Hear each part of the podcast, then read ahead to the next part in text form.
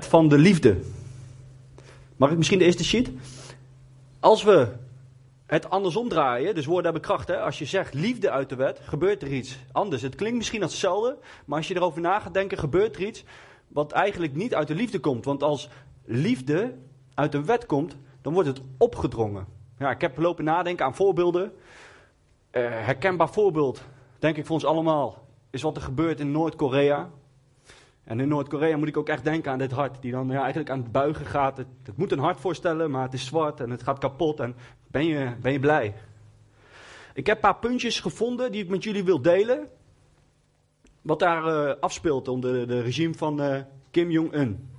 Het is daar bijvoorbeeld verboden voor inwoners om iets anders te kijken dan staatspropaganda. In de afgelopen twee jaar heeft het land 130 mensen publiekelijk geëxecuteerd voor het kijken naar Zuid-Koreaanse tv bijvoorbeeld. Wij hier in Nederland, we, we, kijken tv, satelliet, maakt niet uit. Journaal voor de hele wereld. Maar in dat land uh, word je gewoon kaart gestraft als je dat wil doen. Nou, het volgende. Het land heeft officieel een vrijheid van godsdienst, maar ze mattelden duizenden mensen voor het beleiden van hun geloof. In 2013 werden er 80 christenen geëxecuteerd voor het in bezit hebben van een Bijbel. Dus ze zeggen, ja, godsdienst maakt niet uit wat je wil geloven, doe maar. En vervolgens gebeurt er dit. Mensen zijn denk ik ook heel bang dat ze echt maar in die wet leven, zodat ze het goed doen, zodat ze maar uh, ja, kunnen leven eigenlijk. Nou, laatste punt die ik uh, met jullie wil delen.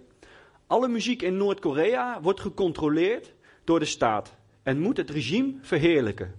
Westerse muziek is een misdaad tegen de staat en kan je je leven kosten. Of strafkampen zijn daar ook heel normaal. Dus wij uh, zingen hier van alles wat we willen. Soms ook muziek dat ik denk van, poeh, moet dat nou als ik sport? Maar goed, we wonen in een vrij land. Maar in dat land mag het alleen maar de regime verheerlijken. Dus uh, mensen die hebben helemaal geen keuze naar wat ze willen luisteren, of wat ze willen kijken, of wat ze willen geloven. Al lijkt dat in sommige situaties wel zo. Mag ik de volgende sheet alsjeblieft? Maar wat gebeurt er als de wet, leefregel toepast en die ontstaat uit liefde? Dan gebeurt er iets krachtigs, want dan is het zo dat de leefregels, die wil je dan volgen en tot wet maken en in je hart sluiten. Omdat een hart vol liefde automatisch ook het goede zal doen. En je wilt die regel ook handhaven en dat het tot jezelf gemaakt wordt. Je ontdekt iets in de liefde en je hart is er vol van en je wilt het tot jezelf maken. Zoals uh, net wat ik voorlas in Noord-Korea, dat, dat, ja, wat we net dan zongen, nou, dan uh, kreeg je eigenlijk gewoon straf. Maar wij doen het omdat ons hart vol is van de Heer. We zijn hier uit vrije wil, misschien uh, vroeg opgestaan. je bent hier uit, omdat je gewoon de heer, bij de Heer wilt komen, bij de mensen wilt komen, geestelijk voeding wilt krijgen. Omdat je zoveel compassie voor elkaar hebt en liefde hebt voor de Heer en voor elkaar. En wat gebeurt er dan? Dan ga je zingen. Misschien was er zelfs wel een nummer tussen. Ik, ik vond alle nummers geweldig hoor. Maar misschien had iemand wel, hmm, dit nummer spreekt me niet aan. Maar toch zing je mee. Omdat het voor de Heer is. Omdat het uit liefde is. En als die, ja, als, als, dan, dan wordt het je leefregel. Dan wordt het je wet. Een wet kan heel makkelijk dus ontstaan uit de liefde. Wat ook grappig is, is wel eens in Oosters denken. Ik heb uh, vechtsport gedaan en daar zag je ook veel jongens met yin-yang broekjes en gezegdes uh, van, uh, ja, goed kan niet zonder kwaad, slecht kan niet zonder goed, zwart kan niet zonder wit, positief, niet zonder negatief. Maar in Spreuken 10 vers 12 zegt, zegt het volgende, haat veroorzaakt ruzies, maar liefde vergeeft alles. Dus met andere woorden, nou haat zal wel niet zonder liefde kunnen, nee. Negatief zal wel niet zonder positief kunnen. Maar zwart zal ook wel niet zonder het licht kunnen. Maar al die positieve dingen zijn al volmaakt. En die kunnen wel zonder. Liefde kan zonder haat. Het licht kan zonder de duister. Omdat het al volmaakt is, heeft niks nodig. Zo krachtig is het. Dus dat Oosters denken, dat, dat, klopt dus niet. Maar liefde is niet vanzelfsprekend. Onze Heer, die heeft, het, uh, heeft, heeft de wet. Hij, ja, God is mens geworden in Jezus. En Jezus liet zien wat daadwerkelijk de leefregels voor ons moesten worden. Zoals God het graag zag. Maar we begrepen het, uh, ja, alleen door God begrepen ze het niet. De Heilige Geest was er nog niet en zo. God ging het eigenlijk zelf voordoen, ook in Jezus. En in Matthäus 5, vers 43 tot 48, staat het volgende. Jullie hebben gehoord dat er in de boeken is gezegd: houd van je broeders en haat je vijanden.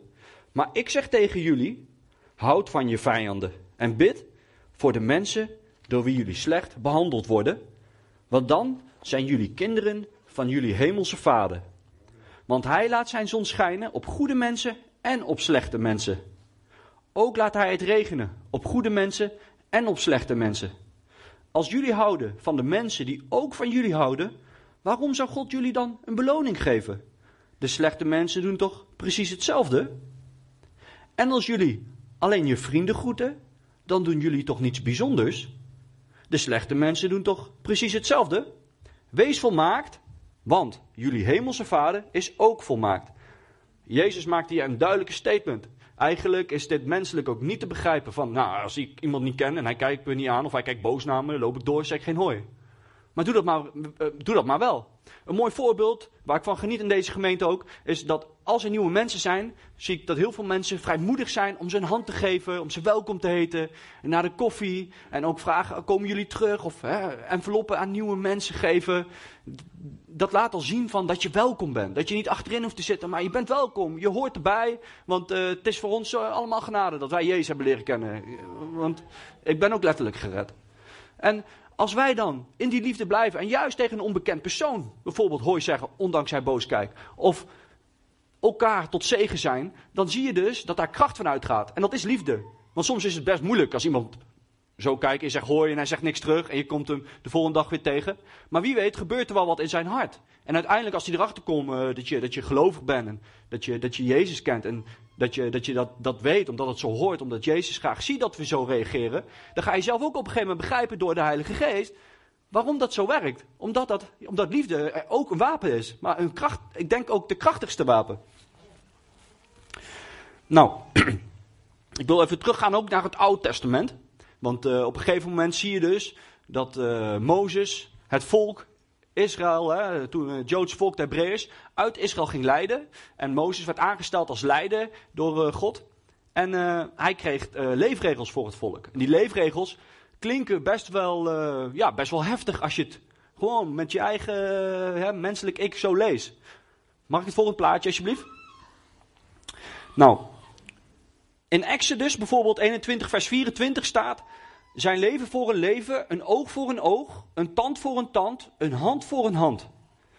Er waren geen, er waren geen wetten van God meer. Want je moet je voorstellen dat het, dat de, de Hebreeërs in Israël leefden voor meer dan 430 jaar. Nou, wat gebeurt er? Een voorbeeld in mijn eigen leven wat ik zie van heel dichtbij. Mijn schoonmoeder is Indisch, is daar geboren, praat nog Maleis, kookt heerlijk, et. Ja, heel fijn. Dat is echt heel fijn. Maar mijn vrouw ziet er uh, Indisch uit, maar spreekt geen Maleis, uh, kent natuurlijk wel wat dingen van het cultuur.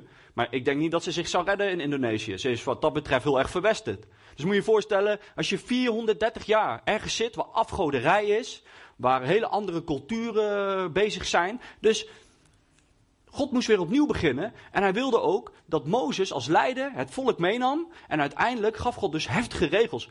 Maar deze regels zijn eigenlijk bedoeld om geweld te stoppen. Want als je, als je, je moet je voorstellen, als je weet, oh, als ik iemand dood, krijg ik de, de doodstraf. Als ik stil, gebeurt er dit. Als ik dat doe, gebeurt er dat. Dus het laat je twee keer over iets nadenken voordat je dat daadwerkelijk doet. Waardoor er dus in die woestijn, ze waren in de woestijn, dat er geen eerwraak werd genomen of een situatie erger werd gemaakt, maar dat er hiërarchie uh, was, zodat er geleefd werd op Gods manier, hopelijk. Nou, in het Oude Testament handelt Mozes dus de wetten. De boodschap om ons dat eigenlijk tot inzicht te geven dat we zonder liefde geen vrede kunnen hebben. Oog om oog, tand om tand is niet meer dan een bevestiging van oorzaak en gevolg. Dit is geen oproep aan de mens om kwaad met kwaad te vergelden, maar de letterlijke verklaring dat wie slecht doet, slecht zal ontmoeten uiteindelijk. Jezus heeft ons daar duidelijkheid in gebracht.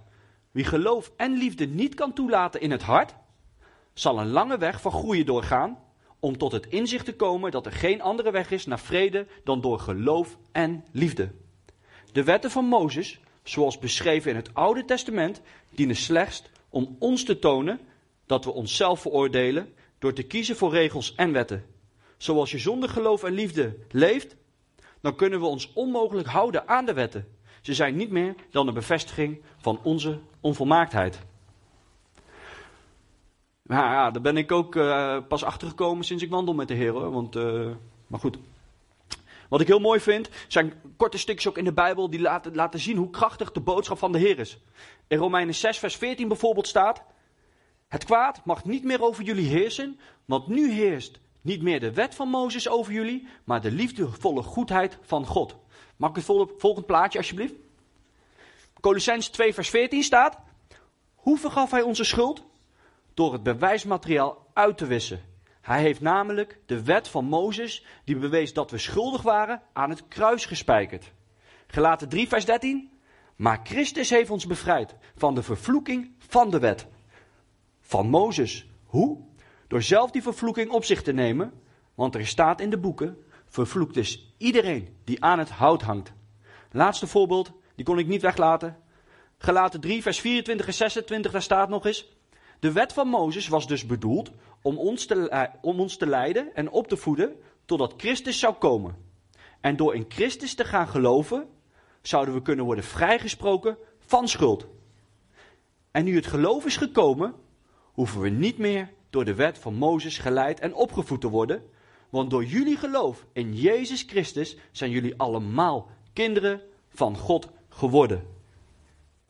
Dat noem ik, uh, ja, dat noem ik echt uh, liefde. We moeten niet vergeten, God is mens geworden in Jezus. Welke religie beleidt de geloof dat God gekomen is op de wereld om te sterven voor ons? Hoewel we het zelf daarna hebben gemaakt.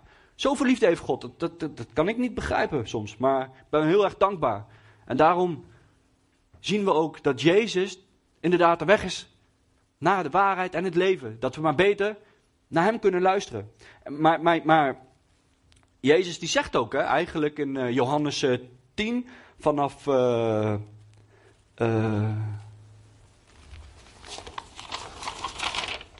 ja, Jezus zegt dan ook in Johannes 10 vanaf vers 1 tot 18 het volgende. Hij zegt eigenlijk niet van jullie zijn net dieren of mensen of paarden, koeien, aap, maakt niet uit, wat allemaal. Nee, hij noemt ons schapen. Hij vergelijkt ons met schapen.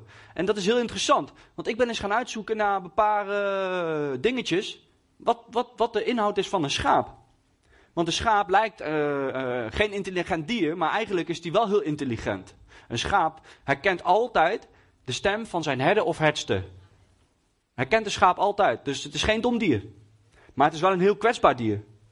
Een schaap kan bijvoorbeeld niet hard weglopen als ze wordt bedreigd. Als een schaap per ongeluk op haar rug komt te liggen, kan ze ook vaak niet alleen overeind komen. Heeft ze dus hulp nodig. Valt een schaap in het water, dan komt ze vaak zelf niet op het droge. Heeft ze ook hulp nodig. Een schaap heeft geen klauwen om zich te kunnen verdedigen.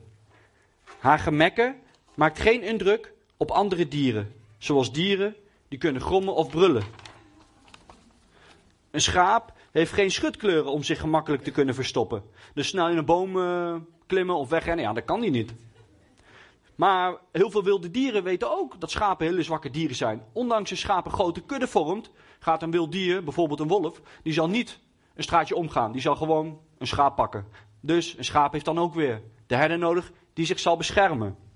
Nou, maak het volgende plaatje alsjeblieft. Wat is dan de conclusie? Een schaap is niet weerbaar. Het heeft een herder nodig. In geestelijk opzicht is dit vergelijkbaar met een mens.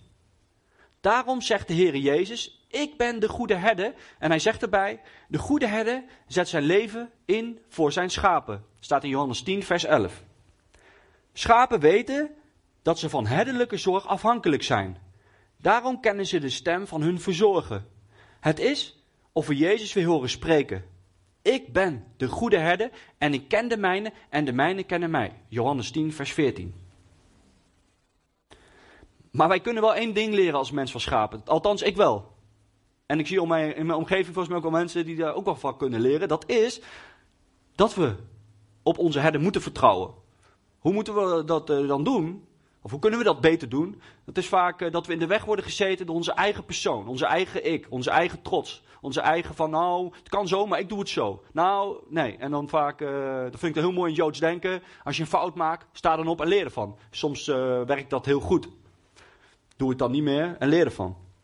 Maar die trots ligt dus echt soms alsof we er vanaf moeten. En dat, dat, blijft, oh, dat blijft soms zo'n strijd voor mij. Maar God zegt daar iets over. Hè? In 1 Corinthians 1, vers 31 staat er in de Bijbel. Daardoor is het waar wat er in de boeken staat. Als iemand zo graag trots wil zijn, laat hij dan trots zijn op de Heer en niet op zichzelf. Dus uh, God zegt ook van dat trots eigenlijk gevaarlijk is. Nou, voorbeelden, een paar voorbeeldjes. Hè, Kai die uh, zijn broertje Abel vermoorde uit jaloezie, uit, uit, uit, uh, dat hij zich beter vond. Dat gaat ook vaak gepaard met trots zijn van, ah, waarom hij en ik niet, ik ben beter, of wat dan ook. Ja, de Satan zelf die uit de hemel op een gegeven moment wordt gesodemieterd omdat hij dacht dat hij wel uh, het beter wist dan de vader, dan God. En hij nam zelfs een derde van de engelen mee. Dus er waren ook gewoon, hè, die engelen zijn dan demonen geworden, maar die trapten er wel in. Het is wel heel gevaarlijk als je dan niet vertrouwen hebt op de goede herder, maar toch ook van andere paardjes wil snoepen. Dus dat je wel op die smalle pad wil blijven, maar tegelijkertijd ook denkt van, ah, die brede pad is ook interessant. Maar ik geloof in Jezus, maar dit kan geen kwaad. En uiteindelijk, ja, dan heb je zonde op zonde en dat wordt alleen maar groter. En op een gegeven moment komt het allemaal goed. Maar wel door Jezus. Misschien herken je ook wel wat in je eigen leven. Althans, uh, dat je een keer wat hebt gedaan op de manier hoe Jezus het zou hebben gedaan. Bijvoorbeeld dat je een probleem had, dat je trots in de weg zat, maar dat je er een keer overheen ging en dat je daardoor ook een getuigenis hebt. Nou, ik heb, ik heb dat meegemaakt, gelukkig, waardoor ik erover mag vertellen. Maar ik heb wel toestemming even gevraagd aan mijn moeder. Ja, mijn moeder kon niet komen vanwege uh, ja, dat de stad straks dicht gaat. Maar ik mocht het vertellen van mijn moeder, want het is een heftige getuigenis.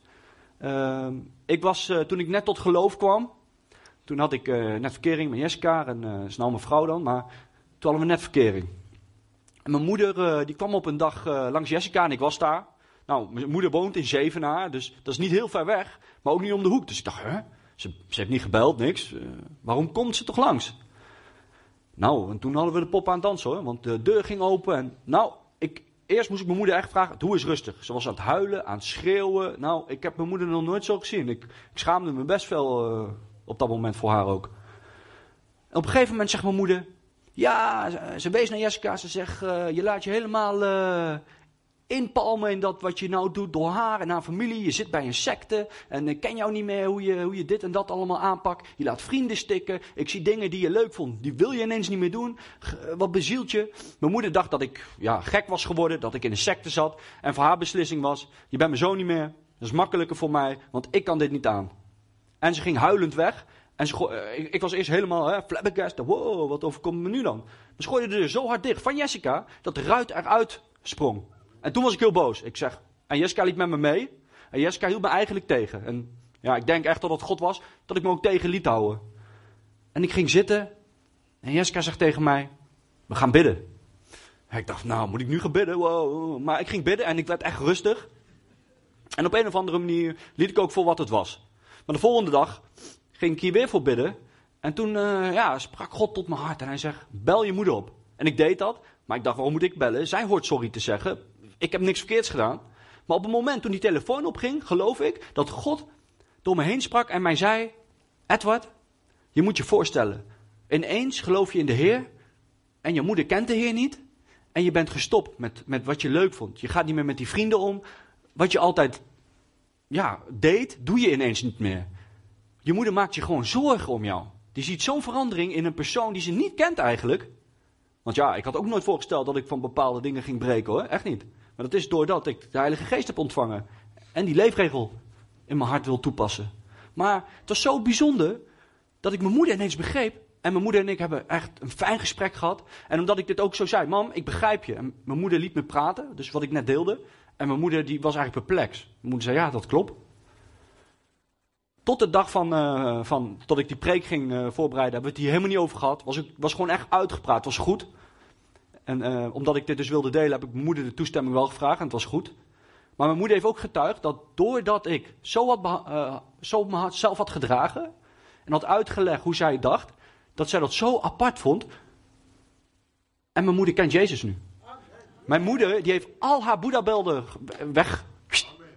Ze gaat nog niet echt naar een gemeente en alles, maar ze is bezig wandelen. Mijn moeder komt soms met mij bellen met vragen of met getuigenissen. Ja, geweldig omdat ik mijn trots aan de kant zet op dat moment.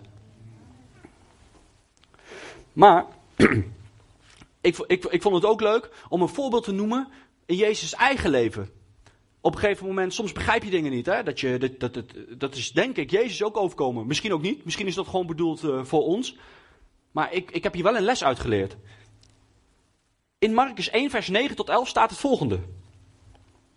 In die tijd kwam ook Jezus uit Nazareth in Galilea naar Johannes toe. Hij liet zich door hem dopen in de Jordaan. Op het moment dat hij uit het water opstond, zag Jezus de hemel opengaan. En de geest daalde als een duif op hem neer. En een stem zei uit de hemel: Jij bent mijn zoon. Ik hou heel veel van jou en ik geniet van jou. Moet je voorstellen dat je daar staat. Wat een spektakel dat je überhaupt mag getuigen dat Jezus op het moment door Johannes wordt gedoopt in de Jordaan. Maar wat er dan gebeurt. Ik weet niet of de mensen het zagen, maar ik geloof wel in ieder geval dat misschien Johannes het wel had gezien. En misschien de mensen ook wel, maar goed. Het gaat erom, Jezus kreeg een bevestiging van zijn vader, zoals wij dat ook nodig hebben. Ik althans wel. Als ik iets goeds heb gedaan en mijn vader ziet het en hij geeft me een schouderklopje. En hij zegt dat hij van me houdt. Ja, dan, dan ben ik op dat moment echt ja, blij dat ik zo heb gehandeld. En dan denk ik, ah oh, pap, thanks dat je het ziet, dat ik mijn best doe. Maar dat gebeurt er ook bij Jezus. Maar dan gebeurt er iets wat ik eigenlijk niet helemaal kan begrijpen. Maar als ik het helemaal af heb gelezen, dan staan daar wel lessen in. En uiteindelijk ben ik het wel gaan begrijpen. Maar soms moet je door een situatie dus heen om het te gaan begrijpen. Want wat gebeurt er? In Matthäus 4, vers 1 en 11, daar staat het zo. Daarna stuurde de Heilige Geest Jezus naar de woestijn. Daar moest Jezus door de duivel op de proef worden gesteld. Hij bleef veertig dagen in de woestijn. Al die tijd had Jezus niets. En tenslotte kreeg hij honger. Toen kwam de duivel en hij zei tegen hem: Als u Gods zoon bent, zeg dan tegen deze stenen dat ze in broden moeten veranderen. Maar Jezus antwoordde: In de boeken staat: Je kan niet alleen van brood leven. Alles wat God zegt, heb je ook nodig om te leven. Mag ik het volgende plaatje alsjeblieft? Jezus, die verwachtte misschien, eh, hij was daar 40 dagen. Hè, dat laat zien dat God echt mens was geworden, want Jezus had honger. Maar wat gebeurt er? Hij ziet niet eerst God, hij ziet eerst de Satan. Ja, wow, heftig hè, in een moeilijke positie. En de Satan verleidt hem. Hé, je hebt honger? Je kan toch dit, doe dat dan. Maar dan zegt Jezus het volgende terug. Maar in de boeken staat, je kan niet alleen van brood leven. Alles wat God zegt, heb je ook nodig om te leven. En de duivel ging weg. Nou, dan gaat het verder. Toen nam de duivel hem mee naar Jeruzalem. Daar zette hij hem op de rand van het dak van een tempel. En hij zei tegen Jezus: Als u Gods zoon bent, spring dan naar beneden. Er staat toch in de boeken: God zal zijn engelen de opdracht geven dat ze u op hun handen moeten dragen. Dan zult u uw voeten niet aan een steen stoten. En Jezus antwoordde: Maar er staat ook in de boeken: Je mag je Heere God niet uitdagen. Nu kom ik weer terug op een stukje trots. Wow, Jezus, uh, echt dapper dat hij zo'n zo'n handeling uh, maakte. Want ik kan me voorstellen, God is er niet. Misschien ik als mens zal me eh, gekwetst hebben gevoeld. Ik heb honger. Ik zit daar nog steeds. Hoe lang gaat het nog allemaal duren? En dan, hè, dat herken je misschien wel van je jeugd of misschien nog steeds. Als mensen zeggen bluff, bluff, bluff. Dat je het soms toch doet, maar het leidt tot nergens toe. Misschien zelfs wel dat er consequenties aan vastzitten wat je doet. Maar Jezus zegt gewoon eigenlijk, maar staat ook in de boeken, je mag tegen God niet uitdagen. Dus uh, ik ga niet iets doms doen als ik weet dat het doms is. Jullie kunnen me wat. In dit geval de Satan. Maar toen kwam de Satan nog een keer terug met het volgende. Toen nam de duivel hem mee naar Jeruzalem. Daar zette hij hem op de rand van het dak van de tempel. En hij zei tegen Jezus: Als u Gods zoon bent, spring dan naar beneden. Oh, dit heb ik al gehad, sorry. Daarna nam de duivel Jezus mee naar een hoge berg. Vanaf die berg liet hij Jezus alle koninkrijken van de wereld zien, met al hun macht en rijkdom. En hij zei tegen Jezus: Dat geef ik allemaal aan u, als u voor mij neerknielt en mij aanbidt. Hier staat iets wat eigenlijk uh, mij wel uh, attenderen dat we altijd al hebben, uh, en helemaal nu zie ik dat ook, dat we leven op een devil's playground. Ik bedoel, Iedereen herkent denk ik wel, als je buiten loopt, verleiding, als je tv kijkt, verleidingen, internet, je ontkomt er gewoon niet aan. Misschien wel zo erg soms dat wij, ondanks wij christen zijn, toch iets doen zonder dat we weten dat het ja, niet kan of zo. Omdat we echt in een wereld leven waar verleiding aan je trekt en alles. Daarom is het ook belangrijk om, om een geestelijk vervuld leven te leiden. Zodat we God toelaten. En niet denken, ja, ik lees ochtends al. Nee, we moeten echt proberen om God ons hart te laten bewerken. En dat is Hè, dat heeft hij ook gedaan door de lessen van Jezus. En we hebben de Heilige Geest gekregen, dus het is ook mogelijk. Maar Jezus zegt iets heel wijs. Dat moment dus, dat, dat, dat God niet kwam, maar de duivel nog een keer en ook zei van, ik kan je ook een bediening geven, kan je alles geven. Dat bewijst dus dat de Satan ook alles kan geven. Maar toen zei Jezus, ga weg duivel. Het staat toch ook in de boeken, aanbid je Heere God en dien alleen hem. En toen gebeurde het, want toen liet de duivel hem met rust en er kwamen engelen om hem te dienen. Jezus werd eindelijk gered door de Vader. God belooft ook, ik zal altijd op tijd komen. Ook al lijkt dat soms niet zo. In dit geval leek dat misschien, ik weet het niet, hè, maar misschien leek dat ook voor Jezus op dat moment niet zo. Maar het is wel gebeurd. Soms zien we het niet. Dat kan ook gebeuren. Maar het gebeurt wel. Dus mensen, de enige manier waarop wij een aanval van Satan ook dus kunnen afslaan, is door een geestvervuld leven leiden waarin God centraal staat. En Jezus laat zich niet verleiden en begrijpt dat hij verleid wordt. En hij is ook niet boos op zijn vader.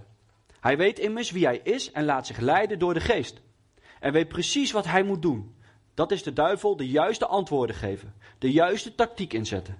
Dat was niet met agressie, maar met de waarheid, Gods woord. En Jezus weet dat hij verleid wordt en dat God voor hem zorgt. Ook al lijkt dat op dat moment dus niet zo. Maar na 40 dagen stuurt God wel zijn engelen om Jezus uit de penarie te helpen. En ik denk ook op dat moment, als wij door een, een, een dal van duister gaan en, God niet proeven of ruiken, God ziet het wel. Want God zag het hier ook en hij greep op tijd in. En dat zal God ook in ons leven doen. Hij zal altijd zorgen als hij ziet dat het niet goed gaat met ons, zal hij op tijd ingrijpen. Maar soms kunnen we dan ook beproefd worden. Soms kan God ook weten, ja, je weet hoe je je hoort te gedragen, dus ik hoef in principe niet in te grijpen. Laat maar zien wat je weet.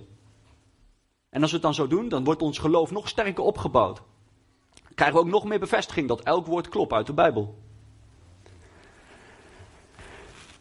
Mag ik de volgende sheet alsjeblieft?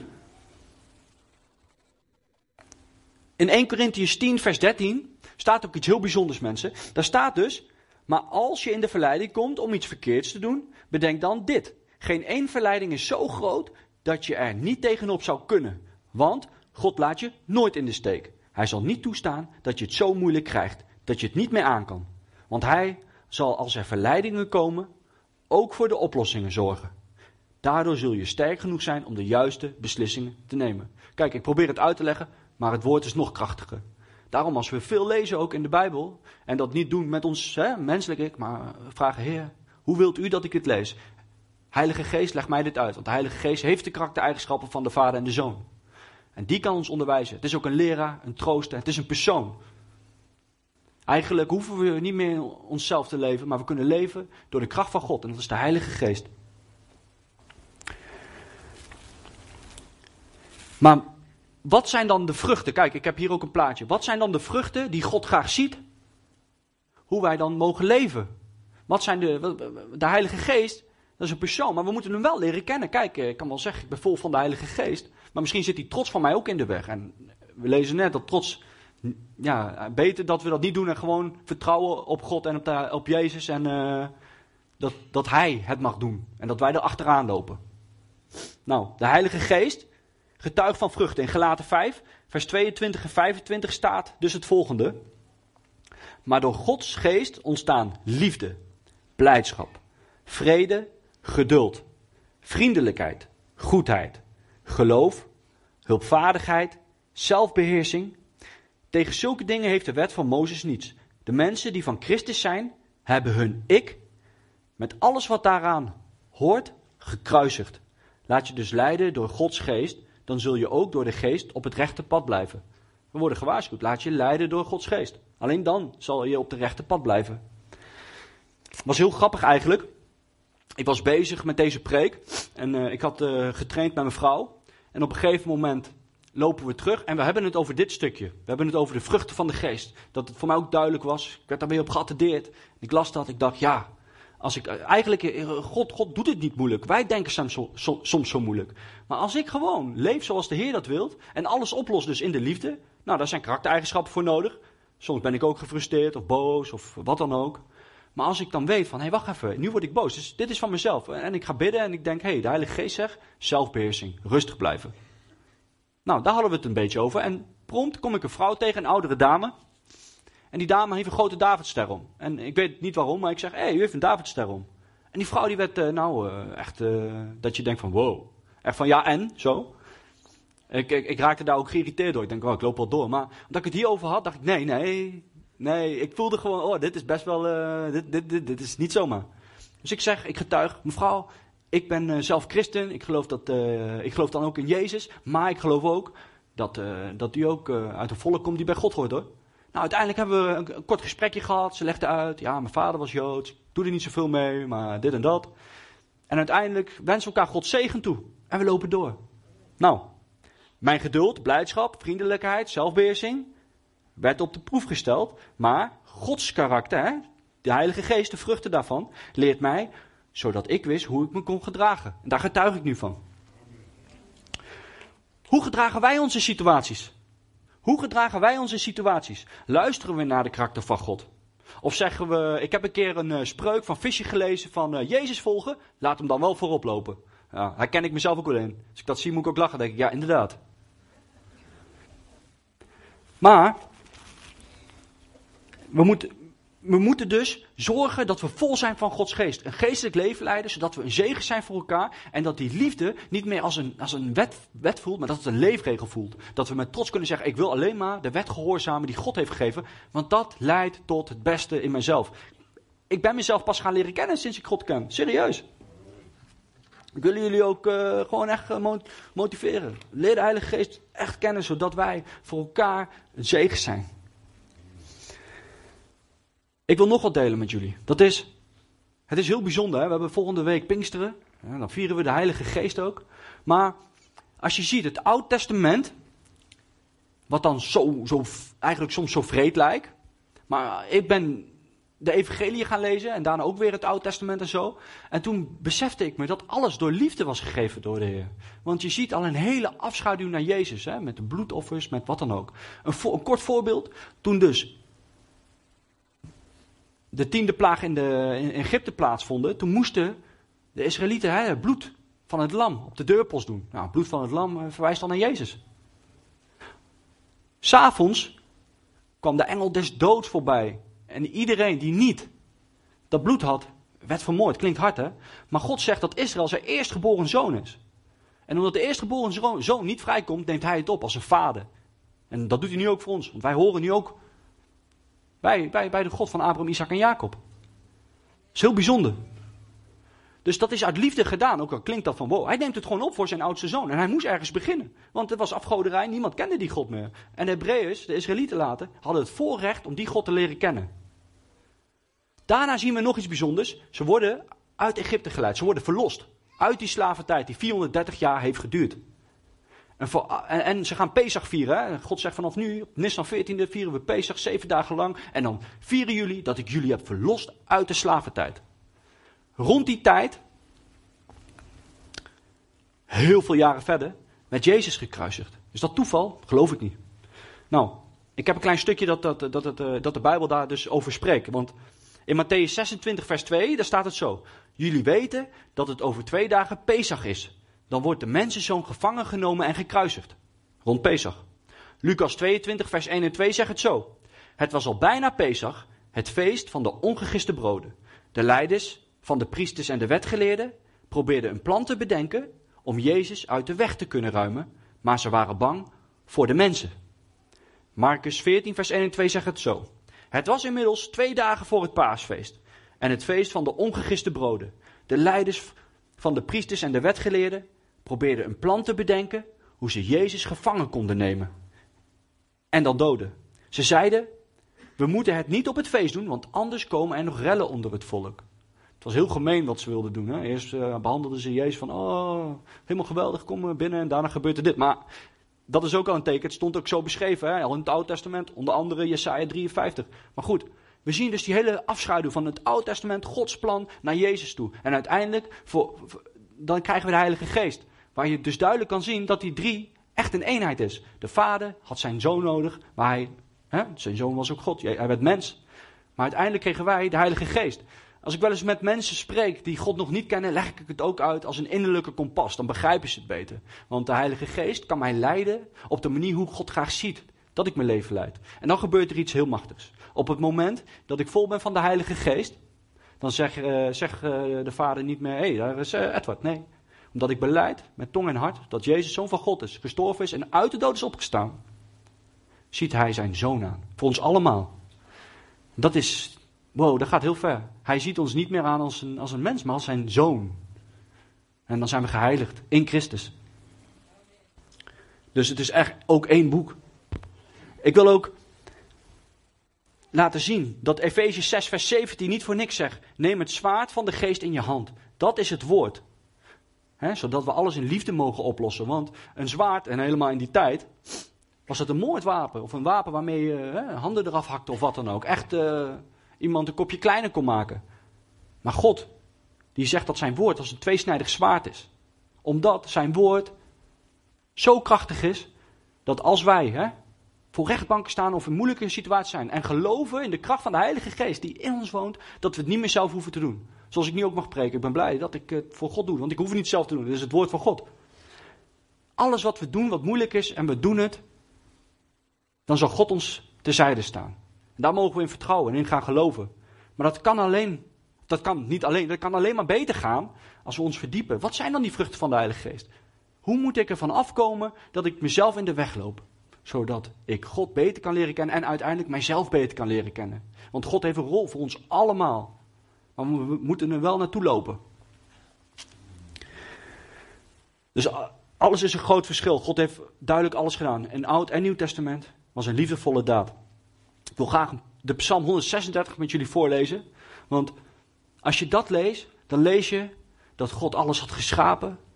Dat God zijn volk redde uit de Pinari, verloste. En dat hij zelfs vijanden ja, doodde, omdat hij het opnam voor zijn volk. En uiteindelijk ook altijd mensen voorziet, in voedsel of wat dan ook. Dat doet hij nu ook voor ons, want wij geloven in de Vader, de Zoon en de Heilige Geest. Wij kennen Hem nu, we lezen, we zijn hier en God heeft een plan met ons. En God zal precies hetzelfde doen als wat hij ook heeft gedaan ja, voor het Joodse volk. Ja. Ja, ik ben bijna klaar. Ik ga alleen de psalmen voorlezen. Dus als jullie willen spelen, ja, wees, wees vrij als je dat wil. Prijs de Heer, want Hij is goed. Zijn liefde duurt voor eeuwig. Prijs de Allerhoogste God. Zijn liefde duurt voor eeuwig. Prijs de Allerhoogste Heer. Zijn liefde duurt voor eeuwig. Alleen Hij doet geweldige wonderen. Zijn liefde duurt voor eeuwig. Prijs Hem die met wijsheid de hemel maakt. Zijn liefde duurt voor eeuwig die de aarde op het water neerzette. Zijn liefde duurt voor eeuwig. Die de grote lichten maakte. Zijn liefde duurt voor eeuwig. Die de zon liet heersen over de dag. Zijn liefde duurt voor eeuwig. Die de maan en de sterren liet heersen over de nacht. Zijn liefde duurt voor eeuwig. Die de oudste zonen van Egypte doodde. Zijn liefde duurt voor eeuwig. Die Israël uit Egypte bevrijdde. Zijn liefde duurt voor eeuwig. Die dat op een machtige manier deed. Zijn liefde duurt voor eeuwig. Die de Rietzee in tweeën spleet. Zijn liefde duurt voor eeuwig. En die Israël daar midden door liet gaan. Zijn liefde duurt voor eeuwig. En die de farao met zijn leger liet verdrinken in de Rietzee. Zijn liefde duurt voor eeuwig. Die zijn volk door de woestijn leidde. Zijn liefde duurt voor eeuwig. Die machtige koningen versloeg. Zijn liefde duurt voor eeuwig. Die sterke koningen doodde. Zijn liefde duurt voor eeuwig. Sion, de koning van de Amorieten, zijn liefde duurt voor eeuwig. En Och, de koning van Bassan, zijn liefde duurt voor eeuwig. Die hun land aan zijn eigen volk gaf, zijn liefde duurt voor eeuwig. Als eigendom aan Israël zijn dienaar, zijn liefde duurt voor eeuwig. Die ons hielp toen we in nood waren, zijn liefde duurt voor eeuwig. Die ons redde van onze vijanden, zijn liefde duurt voor eeuwig. Die eten geeft aan alles wat leeft, zijn liefde duurt voor eeuwig. Prijs de God van de hemel. Zijn liefde duurt voor eeuwig. Nogmaals, dit is Oud Testament. Maar God doet nu hetzelfde ook voor ons. Want wij hebben dezelfde God van Abraham, Isaac en Jacob. Liefde, liefde en nog eens liefde. Dat is ons wapen en onze opdracht. Niet wijzen naar elkaar, maar voor elkaar bidden. En proberen om alles, maar dan ook echt alles in de liefde te proberen op te lossen. Zoals Jezus dat voor heeft gedaan. Amen.